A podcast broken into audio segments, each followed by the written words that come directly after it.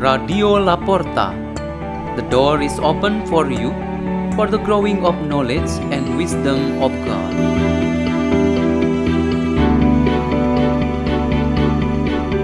Delivered by Shalaza Williams and Ajay Vardhan Singh from St. John Bosco Church in Jakarta, Indonesia.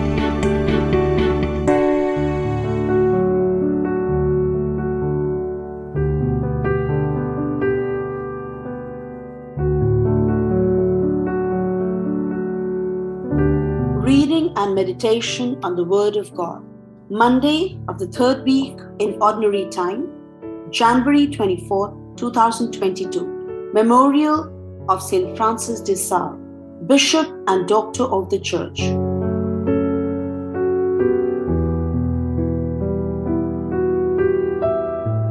The reading is taken from the Holy Gospel according to Mark, chapter 3, verses 22 to 30. The scribes who had come from Jerusalem said to Jesus, He is possessed by Beelzebub, and by the prince of demons he drives out demons. Summoning them, he began to speak to them in parables. How can Satan drive out Satan? If a kingdom is divided against itself, that kingdom cannot stand. And if a house is divided against itself, that house will not be able to stand. And if Satan has risen up against himself and is divided, he cannot stand. That is the end of him. But no one can enter a strong man's house to plunder his property unless he first ties up the strong man. Then he can plunder his house. Amen, I say to you, all sins and all blasphemies that people utter will be forgiven, but whoever blasphemes against the Holy Spirit will never have forgiveness, but is guilty of an everlasting sin. For they had said, He has an unclean spirit. The Gospel of the Lord.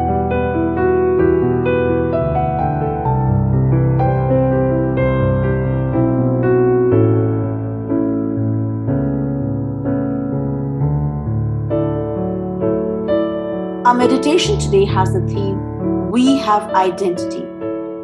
There were around 20 foreign and local tourists who came to one particular village in remote Indonesia. According to the tradition in the village, every guest who enters the village must be accepted according to the local custom by wearing traditional clothes at the village gate. Clothes for men are different from those for women. The village chief explained that this manner of welcoming guests is a characteristic of their identity. Every person and group has the right to declare their identity, but when the demands and enforcement of that right become excessive, what happens will be a kind of politic of identity. This politic often has negative and bad impacts. The opposite of this negative impacts of politic of identity is the gift of our identity from God. He makes us in His own image and likeness. Jesus Christ puts on us clothes, namely a Christian identity, on every person, family, and our church.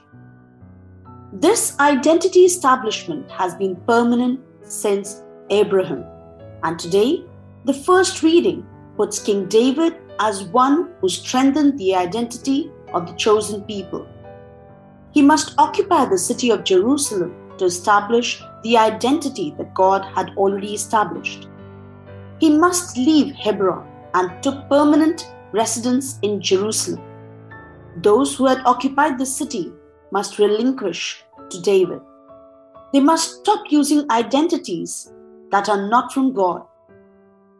Like David, Jesus Christ also establishes the identity of God, which is very clearly known through all miraculous and great deeds, all from God alone. This strengthening of God's identity was fought by the enemies of Jesus, those who did not believe that Jesus is truly the Son of God, the true Messiah of God.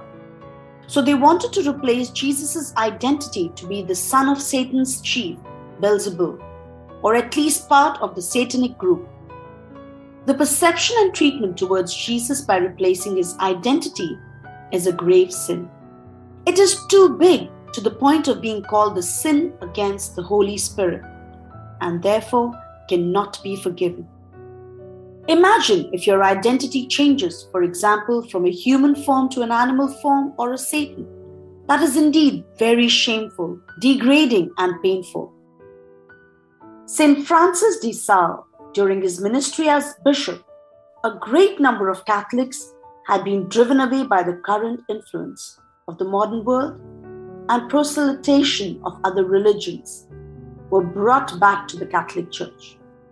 They had lost their identity as the followers of Christ in the Catholic Church, yet they would be able to return to the Church as the mother of for all believers. Let each one of us take special moment today to pray for the strength and purity of our identity as Christians. Let us pray in the name of the Father and of the Son and of the Holy Spirit. O Lord Jesus Christ, strengthen us to always be one with you alone as our Lord and Savior. Hail Mary, full of grace, the Lord is with you. Blessed are you among women, and blessed is the fruit of your womb, Jesus.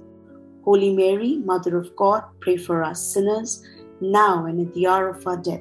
Amen. In the name of the Father, and of the Son, and of the Holy Spirit. Amen. Radio La Porta. The door is open for you.